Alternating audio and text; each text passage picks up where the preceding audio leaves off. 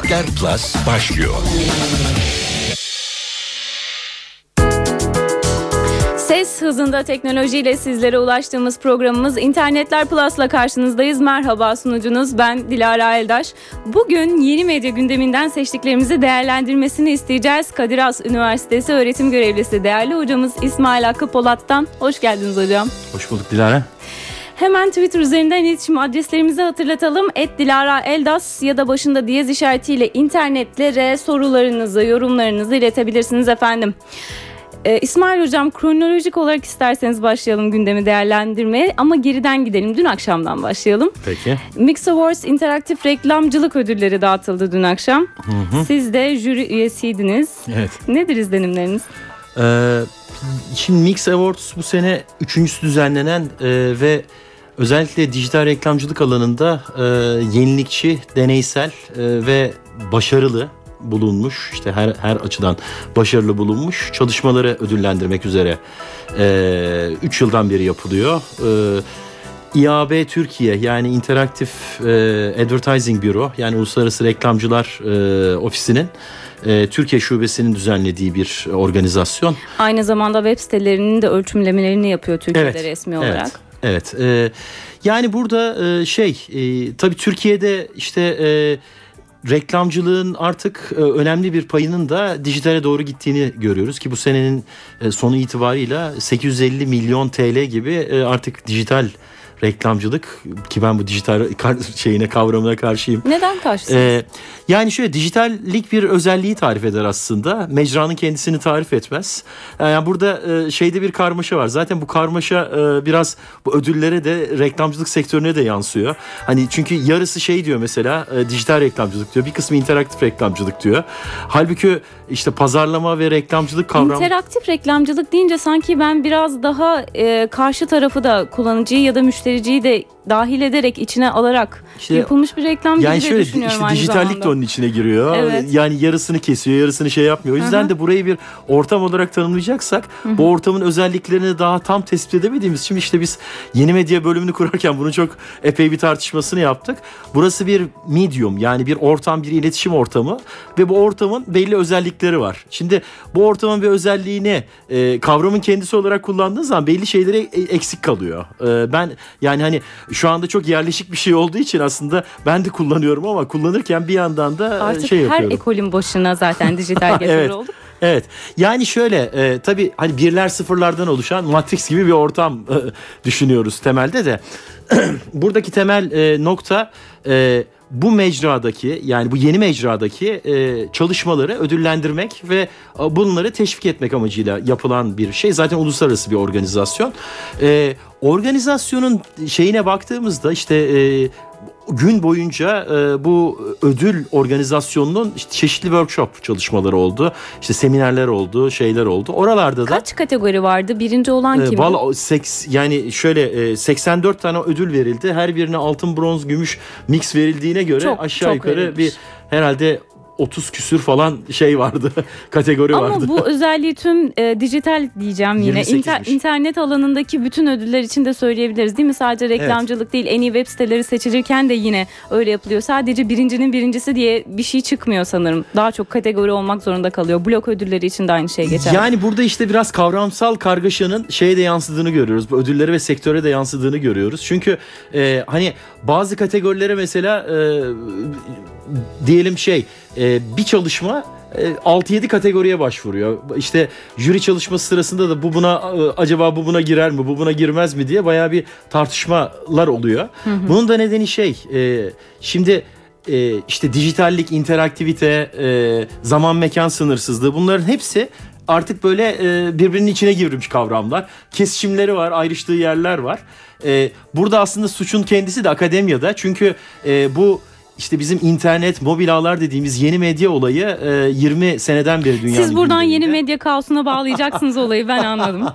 Yok hayır. E, zaten şu anda yaşanan şey de bu kaosu gösteriyor. Çünkü orada e, akademiya bunu e, işte belli kavramlara bağlayarak geliştirmediği için bu böyle biraz ticari giden bir şey oldu. Ticari olarak da işte Google bir tarafından alıyor, Facebook bir tarafından alıyor, işte e, Microsoft bir tarafından alıyor falan filan. Böyle herkesin götürdüğü yerde aslında şey oluyor. Bundan hani biraz e, hani kağıt mendile söylediğimiz marka falan gibi e, biraz hani o markanın ismiyle anılmaya başlıyor. Peki o zaman akademik olarak siz biraz isterseniz ayaklarını yere basın olayın geleneksel reklamcılıkla şu anki farkı nedir? Ee, yani geleneksel reklamcılıkla e, bunun en önemli farkı zaten yeni medyanın üç temel farkı. Ee, dijitallik yani birler sıfırlarla bir şeyi yapabilme, yok edebilme, bozabilme, güncelleyebilme, geri alabilme özelliği. Ee, e, şey var interaktivite yani e, etkileşim özelliği var Ee, ki bu işte katılımcılığı kolektifliği e, ortak bir şeyler yapabilmeyi e, ve e, ne derler e, etkileşimi e, yani işte çift yönlülüğü e, sağlıyor. Bir de zaman mekan sınırsızlığı var. Yani e, istediğiniz zaman istediğiniz yerde olabiliyorsunuz. İlla aynı zamanda aynı yerde bulunmak zorunda değilsiniz. Farklı zamanlarda farklı yerlerde bulunabiliyorsunuz. E, yani bunu e, aynı zamanda aynı yerde bulunabiliyorsunuz. Aynı zamanda farklı yerde bulunabiliyorsunuz. Farklı zamanda aynı yerde bulunabiliyorsunuz ya da farklı zamanda farklı yerde bulunabiliyorsunuz. Bu kadran yani böyle dörtlü bir şey. Dolayısıyla bunun hepsine izin veriyor. Normalde gerçek dünyada hep aynı zamanda Gerçek aynı yerde bulunmak zorundasınız. gazeteye Tek reklam özellik var. verebiliriz, dergiye reklam verebiliriz. Televizyon için de belki bunu televizyonu hangi tarafa koymak lazım sizde sizce bu anlamda? Yani e, gelenek yeni Yine. medyayı düşünmediğiniz zaman hepsi etkileşimden, dijitallikten ve zaman mekan sınırsızlığından Hepsi e, geleneksel. şey yapıyor. e, uzak kalıyor. Peki izlenimleriniz nelerdi gerçekten sizce? Yani reklam dediğimiz zaman çünkü medyanın sanki en yaratıcı çocuğu, en cesur, en bağımsız belki, provokatif belki. Siz onları görebiliyor musunuz orada ve şunu da soracağım. Medyanın içine dahil eder misiniz? Çünkü bir görüşte der ki reklam medyanın içinde değildir. Reklam ayrı bir şeydir. Siz onu yine medyanın bir kolu olarak mı görürsünüz? Şimdi şey bunu tabii yeni medya e, olgusunun içine aldığınız zaman çok anlamsız kalıyor. Çünkü sadece reklam değil, halkla ilişkiler, e, şey, e, yayıncılık falan bunların hepsi artık iç içe. İç içe- ve zaten bir insandan da sadece tek bir kişiden de bunların hepsini bilmesi bekleniyor bir yerde değil mi? Evet evet yani tabii onu bir ekiple de multidisipliner olarak sağlayabilirsiniz de ama en önemli şey bu bütün disiplinlerin bir araya gelmesi. Bu yeni medyanın en önemli özelliklerinden bir tanesi bu. En önemli e, dinamiklerinden bir tanesi bu diyelim. Yani şöyle e, işte e, biraz da e, kargaşa dediğimiz şey oradan çıkıyor. E, reklam dediğimiz şey artık yaratıcılık fonksiyonunun ilk öncelikli olmadığı bir şey haline geliyor. Bunu fark ediyoruz. Yani burada aslında e, işte gün boyu e, o tartışmalar da yapıldı. Zaten reklamcılık dünyasının e, yeni medyaya transformasyonda dönüşümde de en çok tartışılan şey o. Yani yaratıcı bir reklam yapıyorsunuz çok güzel geniş kitlelere ulaşıyor ama mesajınız o mesajınızı artık kitleler sizden almayı beklemiyor. Onlar çeşitli yerleri internette bir arama motoru üzerinden onu araştırıyorlar. Dolayısıyla siz mesajda onu bekliyorsunuz ama o size gelmiyor ki. Forumlara gidiyor, başka yere gidiyor. Dolayısıyla artık iş yaratıcı mesajdan çok içerik. Daha çok içerik, daha çok insana yaymak. O içeriği daha, Daha çok farklı mesajla, içerik, evet, daha çok farklı mesaj. Ve daha çok insanın sizin mesajınızı taşıması gibi işte sosyal medya üzerinden, arama motorları üzerinden, mobil uygulamalar üzerinden bütün bu yeni medya araçları üzerinden daha fazla içerik üretip daha fazla insana yayma ve bunlara taşıttırma ve paylaşım kültürünün içine entegre etme olgusuna geldi iş aslında. Ee, dolayısıyla yeni medyanın hızlı itici bir gücü diyebiliriz. Evet yani ödüllerde de zaten e, hani e, hem yaratıcılık vardı e, yani genel olarak yaratıcılara da şey verildi. Çünkü e, günün sonunda gelenekselden bir dönüşüm söz konusu. Orada şu anda yaratıcılık da var. E, şeye de ödül veriliyor tabii. Bu yeni medya özelliklerini iyi uygulamış e, şeylere de ödül veriliyor. E, çalışmalara da ödül veriliyor. E, yani Doğuş grubu da örneğin işte e, GQ GQ e, Da ödül çıplak almış aynı gösteren zamanda. GQ dergisi çıplak gösteren gözlük diye bir çalışmasıyla deneysel ve e, yenilikçi e, şey ödülü aldı. E, yani reklamcılık sektöründe e, önümüzdeki dönemde bu ödüllerin hem şeyleri değişecek, e, kategorileri değişecek bence. Çünkü bunlar biraz ara kategoriler ve daha henüz üzerinde çalışılıyor e, hepsinin. E, hem biraz daha belirli hale gelecek hem de mesela reklamcılık benim e, zannımca işte dijital reklamcılık, interaktif e, gibi falan kavramlardan şey yapıp bir böyle bütünsel yani artık fiziksel dünyayla e, bir reklam işte ajansı yeni dediğimizde dünyanın hepsini bilmesi gerekecek Ha, ve hepsine hizmet etmesi Siber gerekecek. dünyanın birleştiği böyle bütünsel bir reklamcılık ve pazarlama konsepti üzerine konuşulacak bence. Peki e, yine yeni medyada başka bir gündem maddesi çok dikkat çekici ve muhtemelen daha da çok konuşulacak. Dünyanın en büyük video paylaşım sitesi YouTube artık televizyon uygulamasıyla bir televizyon kanalı haline geliyor. Nerede? İngiltere'de.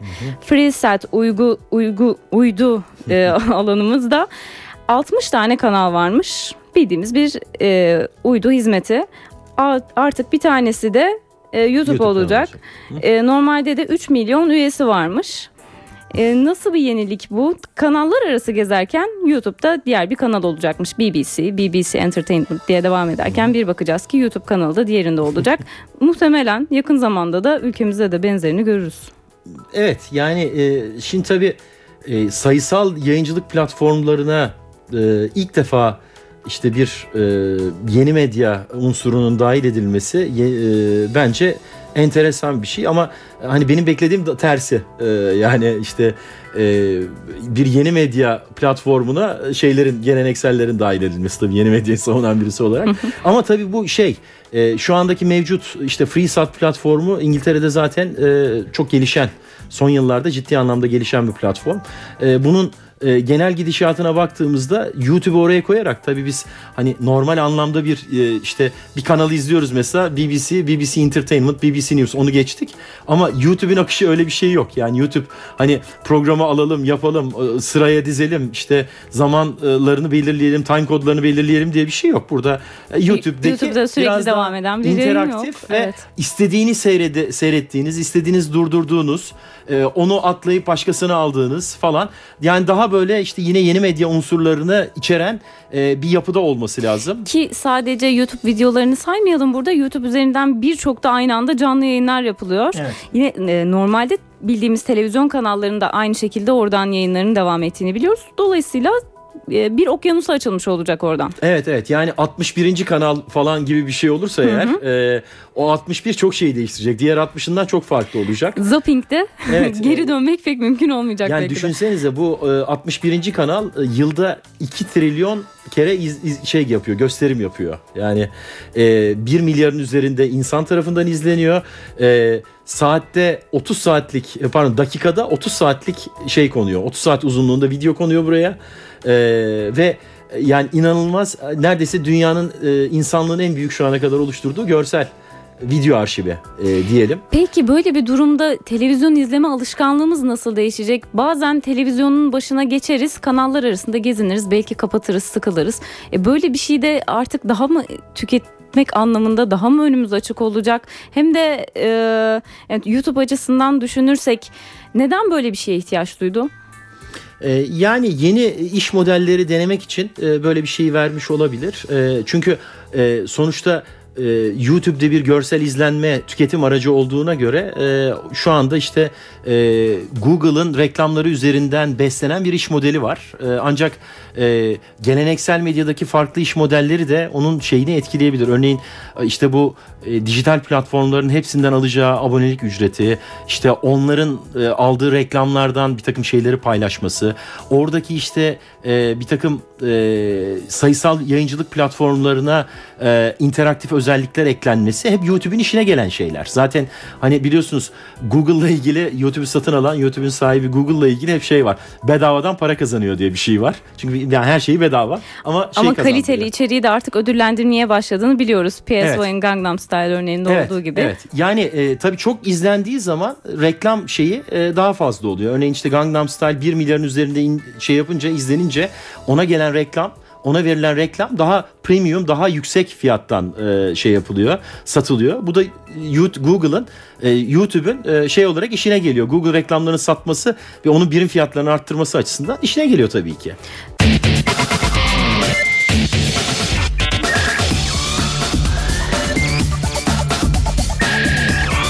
İnternetler Plus devam ediyor.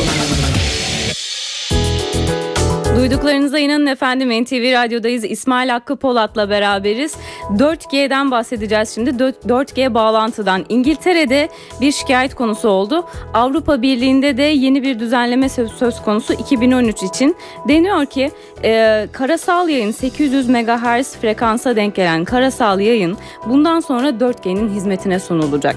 İngiltere'deki şikayet konusuysa özellikle Galler'in güneyinde e, şikayet konusu olmuş ve filtreleme yöntemine başvuruluyor şu anda.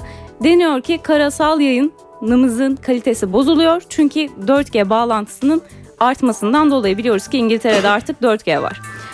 Hocam nasıl etkileyecek bu 4G karasal yayını yutuyor mu? Yavaş yavaş o kısımda da internete mi kayacağız? Ee, ve karasal yayın demek aslında eşittir.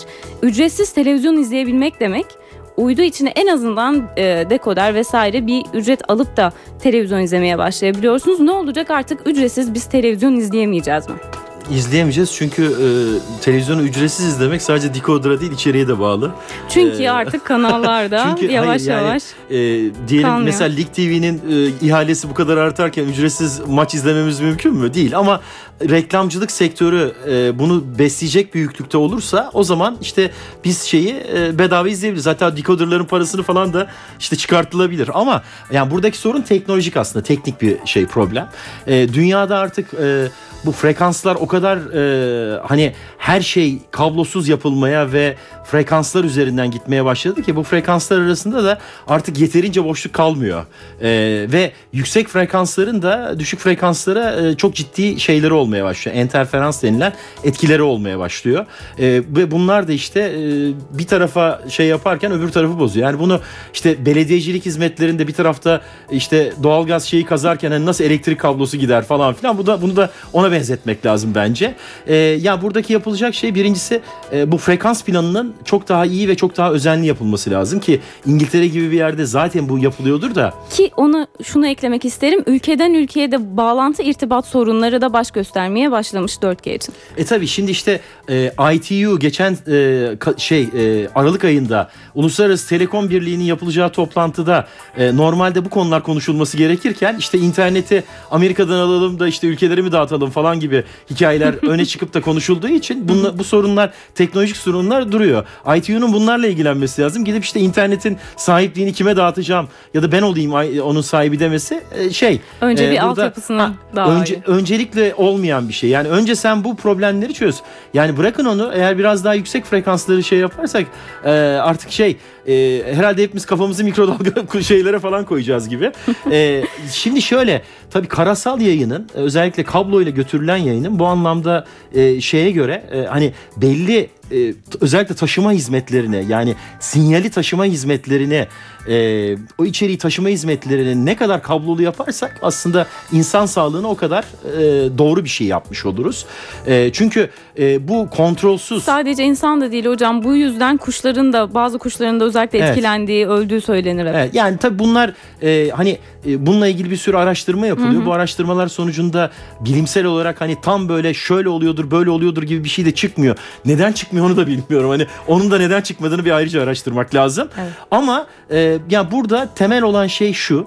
E, bu kadar her şeyi biz e, yani işte e, ben buradaki yayını kablosuz alayım oraya ileteyim dünyada hiç kablo kullanmayalım falan filan diye bir şey son derece sağlıksız bir şey. Dolayısıyla götürebildiğimiz yere kadar bu karasal yayınları şeyleri hepsini kabloyla götürüp sadece ana e, metropol alanlarda bunu şeylerle dağıtmamız lazım. Kablosuz olanaklarla dağıtmamız lazım. İşte Ama burada, çok alıştık kablosuza sanki e, hemen geçtik gibi. Hayır hayır altyapıdan yine şeyle gidebilir. Yani ben burada mesela bir kablosuz internet kullanıyorsam o bir modem üzerinden şeye bağlı. Sonuçta Olduğu bir gibi. kablolu Hı-hı. şeye bağlı. Ama biz sanki e, hani öyle bir şey var ki e, işte GSM sistemi gibi her şey hiç kablo olmasın. İşte sadece şeyleri onları hepsini e, silme, kabloyu hayatımızdan çıkartalım öyle yapalım gibi bir şey e, sunuyoruz ki bu çok sağlıklı değil. Yani hayatımızda mutlaka ve mutlaka kablonun ama belli sağlıklı koşullarda yalıtılmış kablo e, şeylerinin, sistemlerinin e, çok sağlıklı ve çarpık, şey olarak ihtiyacı var. Çarpık kablolaşma.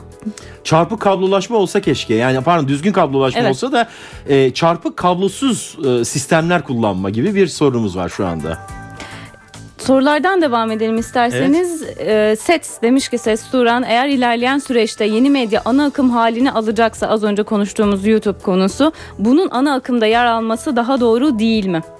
E, tabii kazık bir soru bir hocaya e, maşallah bayağı kazık sormuş set soran ama şöyle cevaplayalım onu. E, zaten söylediğimiz de o. Yani benim e, daha önce belirtmeye çalıştığım şey de o. Normalde YouTube'un free sata değil de free satın YouTube üzerine gelmesi gerekiyor. Yani burada bir ana akımdan çok yeni medyanın artık bütün her şeyin birleştiği ana platform olması gerekiyor. Yani akım diye bir şey. Stream zaten geleneksel yayıncılığın bir şeyi. Burası bir platform. Dolayısıyla bu platform üzerinde her şeyi bir stream olarak almıyoruz. Biz istediğimizi alıyoruz. Ve o istediğimiz üzerinden kişiselleştirebiliyoruz. Ee, işte katılımcı şey yapabiliyoruz, yorum yapabiliyoruz ve her yerden izleyebiliyoruz. Çin'in en ücra köşesinden de internet bağlantısıyla ben NTV Radyo'nun yayınlarını, NTV Televizyon'un, Doğuş Grubu'nun yayınlarını izleyebiliyorum. Yani Çin'de çanağım olmasına gerek yok. Dolayısıyla e, yani burada işte bu zaman mekan sınırsızlığı özelliği nedeniyle yeni medyanın ana platform olması lazım. Yani burada işte YouTube bunu deniyor FreeSat'la birlikte ama yeni medyada da YouTube'un en güçlü kanal olduğunu düşünürsek şu anda potansiyel e, zaten en güçlü televizyon platformu olmaya aday YouTube. Herhangi bir şey olmazsa. Yani bütün kanalların artık yavaş yavaş burada kendi kanallarını açmaya başladıkları ve onun üzerinden işte bu e, insanlara daha kişisel içerik verildiği, onun işte belli şeylere yayının belli bölümüne interaktif katılabildiği ve bu anlamda yayıncılık formatlarının değiştiği e, yeni bir dönem yaşamamız lazım. Ama bu YouTube üzerinden mi olur, başka bir şey üzerinden mi olur onu bilmiyorum. YouTube şu anda dünyanın görsel içeriğinin özellikle video içeriğinin en büyük e, şeyi olduğuna göre toplayıcısı olduğuna göre şu anda buna en yakına da YouTube olarak görünüyor. En çok tanınan bilinen. Evet. IPTV'nin de bir adım ilerisi diyebilir miyiz hocam? Buna IPTV mesela örneğin Amerika'da Apple TV'ler var vesaire ama YouTube'u için içine katarsak IPTV'leri bu tür kanalları bile yutacak diyebilir miyiz? Eee yani orada YouTube kendini bu şekilde konumlarsa e, yapabilir bunu diyoruz ki YouTube'da bu, bu tip çalışmalar var ama e, yani şunu da unutmayalım e, bu biraz daha böyle YouTube her şeyin YouTube'e gitmesi biraz daha Big Brother işte büyük birader etkisi tekelcilik etkisi yapması açısından ya bana bile hiç şey gelmiyor. Eşittir yani, Google çünkü YouTube'un sahibi ha, Google. Yani şöyle e, dünyada hani bir takım şeylerin hani tek elden götürülmesi bazen sevk ve idare açısından çok kolay gibi geliyor insanlara ama rekabetin olmadığı yerde e, birazcık bu iş e, o zaman keyfe keder ve o e, şeyin yayın organının kendi e, buyrukları neyse onun üzerinden yapılır e, tarzı oluyor. O yüzden hani burada alternatif olması iyi. Ancak e, işte Apple TV'yi, Samsung TV'yi ya da işte diğer e, televizyon yayıncılığı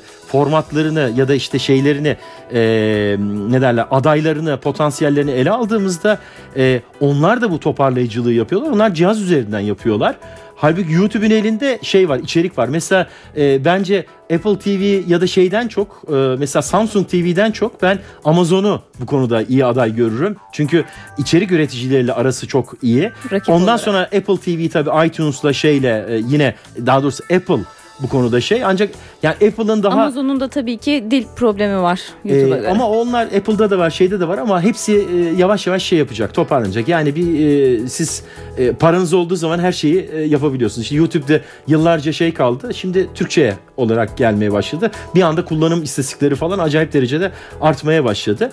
E, teknolojik olarak şu anda Apple TV, YouTube arasında ciddi bir farklılık var. Bir tanesi içerik ağırlıklı, öbürü daha cihaz ağırlıklı yayıncılık yapıyor. Ancak Hani para olduktan sonra birinin öbürüne öbürünün şeyine e, diğerine e, doğru evrilmesi şey meselesi. Biz biraz saman meselesi. Az önce de bahsetmiştik. Yeni medya dediğimiz zaman şimdi evet bu yenilikleri konuşmak elbette ki çok güzel ve çok heyecanlı ama yine de kültürel açıdan baktığımızda ücretsiz televizyonun ortadan kalkması medeniyet olarak gittiğimiz yerde bir yerde hata yapıyoruz sorusunu getiriyor kafalara akıllara. Aslında ücretsiz televizyon yine olacak mı? Yani şu anda mesela... Ücretsiz internet mi olacak? E, ücretsiz internet de olabilir. Yani e, aslında her şeyin ücretsiz olduğu iş modelleri de olabilir. Tamamen bu e, ticaretin nasıl şekillendirileceğine bağlı. İşte şu anda mesela e, gazete parayla değil mi? Ama İngiltere'de, şeyde, Türkiye'de de denendi. E, parasız metro gazeteleri çıkıyordu değil mi? Yani şu anda işte Avrupa'nın birçok ülkesinde parasız metro gazetesi var. Gayet de iyi işliyor. Ama Türkiye'de yapmaya çalıştılar olmadı. Çünkü Türkiye'de reklamcılık sektörü daha doğrusu reklam verenin oraya ayırdığı bütçe aldığı geri dönüş onu tatmin etmedi. Bu işte kullanıcı alışkanlıklarını geliştirmeyle, e, tüketici kitlesini ona e, uygunlaştırmayla e, ilgili bir şey bence. E, yani internet de ücretsiz olabilir, şey de olabilir ki yeni medya üzerindeki iş modelleri daha çok kullanıcıdan değil de özellikle işte satıcıdan bu parayı finanse edebilecek yani reklam karşılığı finanse edebilecek böyle bir sürü şey modellerle dolu, hı hı. rasyonel modellerle hı hı. dolu. Hocam Twitter üzerinden bir soru daha var. E, radyolarını yeni açanlar da belki programın ilk bölümünde konuşmuştuk. Buğra Kurtuluş demiş ki merak ediyorum YouTube televizyonu Türkiye'de nasıl olacak? İngiltere örneğinden bahsettik. Türkiye'de de olabilir dedik aslında. Hı hı. Yani e, işte e, ne bileyim e, şu anda ki işte dijital platformlardan bir tanesine girebilir. Bu dijital lafından da nefret ediyorum da bir yanda sayısal platform diyeyim yine aynı şey. Bu programda sizce yasaklasam mı? Kimseyi konuşturamam herhalde. Men edelim insanları. yani şöyle olabilir. Bu platformlardan bir tanesine girebilir ama yani burada şimdi elinizdeki kumanda size yeterince interaktif bir şey vermeyecek. Yine hani öyle ergonomik kullanıcı deneyimi yüksek bir şey olmayacak bu. Halbuki tam tersinin olması lazım. Yani bu sayısal platformların YouTube üzerinde e, şeyler açmaları lazım. Kendi kanallarını açmaları lazım ve buradan işte dinle şey izleyici yorumları e, eğer radyo kanalıysa dinleyici yorumları alması lazım. E, buradan işte mesela bir şeyi kaydedip offline olarak da dinlemeyi ya da izlemeyi sağlıyor olması lazım. Yani bir sürü özelliği aslında o platformun içinde daha iyi gerçekleşebilir. Dolayısıyla hani süreci ne kadar öngörürsünüz sizce? Ee, Çünkü şöyle bir şey hı. deniyor bu haberler dahilinde. Artık karasal yayınlar nasıl olsa sona ermiş vaziyette. Hayır. Hayır yani sadece Türkiye için bile söyleyebiliriz bunu. Karasal izleyen birçok insan var. İngiltere'de renksiz televizyon kullanan bir sürü insan var. Vergisi daha az tabii. diye vesaire. Nasıl öngörürsünüz süreci? Ne kadar yayılır sizce? Yani ben e, şu anda e, hiçbir şeyin yok olacağına inanmıyorum. Her şeyin e, yani işte siyah beyaz televizyonun bile şu anda izleyicisi var. Ben mesela şey var e, babamdan aldığım eski bir radyo var. Onun üzerinden bazı şeyleri dinlemeyi çok seviyorum. Yani bazen işte mesela cuma ne geceleri çok yorgun olduğum zaman açıyorum. Eski transistörlü bir şey radyo. Onun üzerinden dinliyorum. Mesela onun, onun cızırtısı bile hoşuma gidiyor. Yani e, bu bir şeyi yok etmez ama ağırlık merkezinin kayması diye bir şey var. O ağırlık merkezinin kayması olabilir. E, bu da e, tamamen paranın, reklamın, işte pazarlamanın reklam verenin, markaların nereye gideceğiyle ilgili bir şey. Yine hani dönüyoruz dolaşıyoruz yine kurumlara geliyoruz. Şeyin e, sermayeye geliyoruz işin şeyinde. E, yani burada çünkü kamusal e, bir e, şey yok. Mesela devletler hani biz bunu buraya taşıyalım diye bir şey söyleseler bile şu anda içinde bulunduğumuz düzende eğer para sermaye oraya kaymazsa bunun bir şeyi yok. Ama hani işin başındaki mesela Apple gibi e, işte Google gibi e, şeylerin bu işe çok ciddi bütçeler ayırdığını görüyoruz. Mesela işte Apple şu anda en önemli projesi Apple TV. Dolayısıyla Apple TV isterse e, işte iş modellerini de değiştirir, şeyi de değiştirir. Bu işin landscape'ini de değiştirir. Hocam programımızın son dakikalarına girdik. Ee, hazır sizi de bulmuşken yeni medyacısınız ve yeni medya eğitimcisisiniz. Hı hı. Artık biliyoruz ki Türkiye'de de yavaş yavaş e, artacak. Sömestr tatilinden sonra 36 bin 9. sınıf öğrencisine ve 13 bin öğretmene tablet bilgisayar dağıtıldı Fatih projesi kapsamında ki biliyoruz ki tüm yurda yayılacak bu. E, projenin tabii ki tamamını şu anda konuşamayız ama alışkanlıklarımız nasıl değişecek tüm bu e, konuştuklarımız dahilinde artık son olarak bundan noktalayalım. Tabii daha e, işte e, yine yeni medyanın özelliği nedeniyle daha interaktif bir eğitime geçeceğiz. Yani e, öğretmenle öğrencinin biraz daha yatay iletiştiği ve öğretmenin artık kürsüden hitap edip de öğrencileri hiç dinlemediği bir eğitim sisteminden yavaş yavaş şeye geçmemiz gerekiyor. Tabii bunu sadece bilgisayar değil öğretmenleri de eğiterek, öğrencileri de buna adapte ederek e, onları da bilinçlenmesini sağlayarak yapmamız lazım. Aksi takdirde bu hani bir kaosun başlangıcı da olabilir ona dikkat etmek gerekiyor. Dediğiniz gibi özellikle öğretmenlerin de öğrencilere soru sormaktan çekinmeyeceği bir dönem olacak herhalde değil mi? İnşallah. Efendim programımızın sonuna geldik. Ben Dilara Eldaş. Haftaya tekrardan görüşeceğiz. Hoşçakalın.